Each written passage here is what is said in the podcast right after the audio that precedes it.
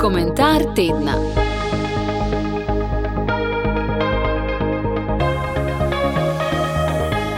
Post in vprašanje pravičnosti, svobode in upanja. Pred kratkim smo vstopili v postni čas. Običajno post povezujemo z odpovedmi in askezo, vendar to ni edini pogled. Prerok Izaija je zapisal, da je post dejavnost do drugih. Njegove besede so me vedno ganile. Ganile osebno kot človeka in strokovno kot sociologa. Izaija v 28. poglavju govori o dveh različnih načinih posta. Eden je po volji Boga, drugi ne. Post po volji Gospoda poudarja delovanje zato, da se prekinejo krivične vezi in zatirani postanejo svobodni, da ima človek v stiski kruh, streho nad glavo in obleko. Tega ne pove enkrat, ampak nekatere dele dvakrat ponovi. Gre torej za nekaj zelo močnega. Po Izaiju pravi post vključuje delovanje za pravičnost, prizadevanje za osvoboditev in izkazovanje miloščine. Pravi post ni le delo na sebi, pravi post živimo v povezanosti z drugimi ljudmi in z Bogom. Da kaj konkretno pomeni delovati za pravičnost in prizadevati se za svobodo v sedanjem času, v okoljih, kjer živimo. Preden bom podal nekaj uvidov, nekoliko poglobimo religiozno razumevanje posta. V knjigi Duhovne osnove življenja je Vladimir Solovjev pokazal, da so post, molitev in miloščina tri osnove osebne religije. Vsak izmed njih spregovori dokaj obširno. Za naše vprašanje je bistven uvid na koncu prvega dela knjige. Citiram: Kdor ne moli Boga, ne pomaga ljudem in popravlja svojo naravo z držnostjo, je tuj vsaki religiji. Če tudi bi vse svoje življenje razmišljal, govoril in pisal o religijskih temah. Tri osnovna dejanja religije so med seboj tako tesno zvezana, da eno brez drugega nima moči. Konec citata. Posolojovo molitev, ki ne spodbuja k dobrodelnosti in ne kroti naše čutnosti, ni resnična, ker je v njej določena primes sebičnosti, koristoljubnosti, laži ali samoljubja.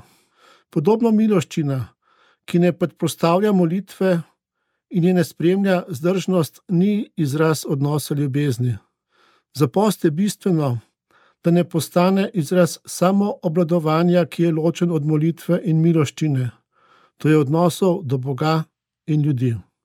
Podana vizija je jasna. V pristnem krščanskem sporočilu so ta tri dejanja zedinjena, ker njih deluje ena božja milost. Gre za versko držo, ki priznava človeko povezano s Bogom in lastno omejenost. Človek ni gospodar življenja, to je Bog. V moči vernega človeka pa je, da moli Boga, pomaga ljudem v stiski in z drzostjo popravlja lastno naravo. Tako življenje, tako slovjev, izraža tri religiozne kreposti. Citiram: Moli Boga z vero, delaj dobro ljudem z ljubeznijo in premaguj svojo naravo z upanjem v prihodne ustajenje. Konec citata. Vrnimo se k vprašanju, kako se konkretno zastaviti za pravičnost, svobodo in solidarnost. Odpeti bi morali dva vidika, kaj in kako, vsebino in način. Prvi korak se mi zdi, je priznavanje dejstev, priznavanje resničnosti. Včasih se zdi, da dejstva poznamo. Krik ubogih, da nimo v svetovnem merilu povezujemo z lakoto in nedostopnostjo do osnovnih človeških dobrin. Pri nas je morda najbolj razširjen izraz ubogih osamljenost, pomankanje vključenosti v medčloveške odnose. Krik zemlje povezujemo z naravnimi katastrofami, izgubo biološke raznolikosti in drugimi ekološkimi temami. Vojna v Ukrajini in v Palestini sta v našo zavedanje vrnila dejstvo, ki smo ga evropejci precej podcenjevali. V velikem delu sveta pogosto odvijajo vojne, med državami ali oboroženi spopadi med različnimi skupinami. Vendar opisano še ni celota dejstev. Dejstva tudi razlogi in vzroki, ki so privedli do določenega pojava. Ti so pogosto nastali dlje časa, včasih desetletja ali celo stoletja. Ranjene ali boleče spomine oseb in skupin je potrebno prečistiti in ozdraviti. Drug vidik je, da so mnogi pojavi povezani, potrebno je zaobjeti vse akterje in odnose med njimi. Posebej bi omenil sodobne množične medije. Prek njih se širijo mnoge nepreverjene in tudi lažne informacije.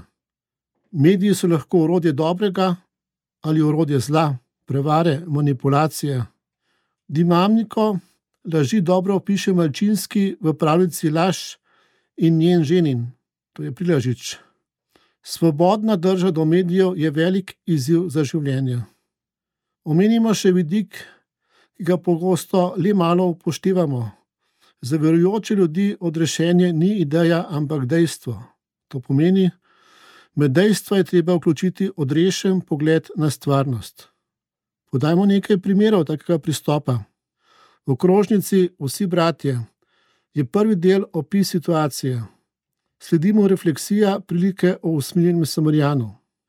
V posinodalni spodbudi o družini Amoris Leticija, opisu konkretnih situacij družinskega življenja sledi refleksija o Pavlovi hvalnici ljubezni.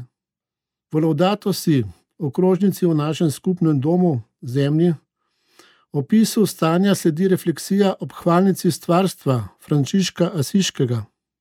Zakaj je tako? Družbena analiza je lahko velika pomoč pri evangelizaciji, a samo, če je del celote, ker je povezovalno jedro duhovno odrešen pogled. Dejstvo je, da mnoge naše analize, načrti in delovanje ostaje na ravni misli, čustev in volje, to je na duševni ravni.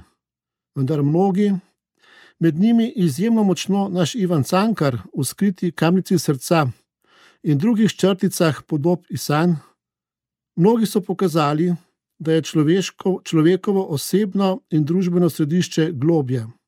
Delovanje za pravičnost in osvoboditev mora seči ne le do telesa in duše, ampak do duha. Središče človeka ni duševnost, ampak duhovnost. V svetopisenskem besedišču gre tako razumeti besedo srce. Spomnimo se lahko tudi na prešerna, ki je v zdravnici o prijateljih zapisal v zaključku, ki smo zato se zbratili, ker dobro v srcu mislimo. Zaključimo. Pri delovanju za pravičnost in svobodo je priznavanje dejstev prvi korak, lahko mu rečemo videti, a vključuje tudi srečati se, poslušati, razvijati kulturo bližine. Drugi korak je poglobiti razumevanje in presuditi, priti do odločitve. Osebno in občestveno skupnostno odločanje ne more biti zgolj razumsko. Potrebno je razvijati razločevanje, ki je v pristnem izrazu vedno tako, da vključuje duha in druge ljudi. Četrti korak je predlog delovanja in delovanja. V današnjem težkem času se mi zdi nujno, da kristijani razvijamo skupno pot razmisleka in delovanja za pravičnost in svobodo. O tem je denimo pisal papež Frančišek v pismu za letošnji postni čas. Delo za pravičnost in svobodo je konkretno in dramatično včasih. Spomnimo se, kako je Bog osvobodil Izrael iz egiptovske služnosti. V času sinode nas papež vabi, da je post tudi, citiram, čast skupnostnih odločitev, majhnih in velikih odločitev proti toku.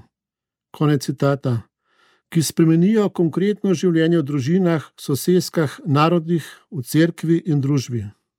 Posebej omenja potrošništvo in pozornost do preziranih in spregledanih. Poklicani smo k spreobrnenju, ki je vir novega upanja. Komentar tedna.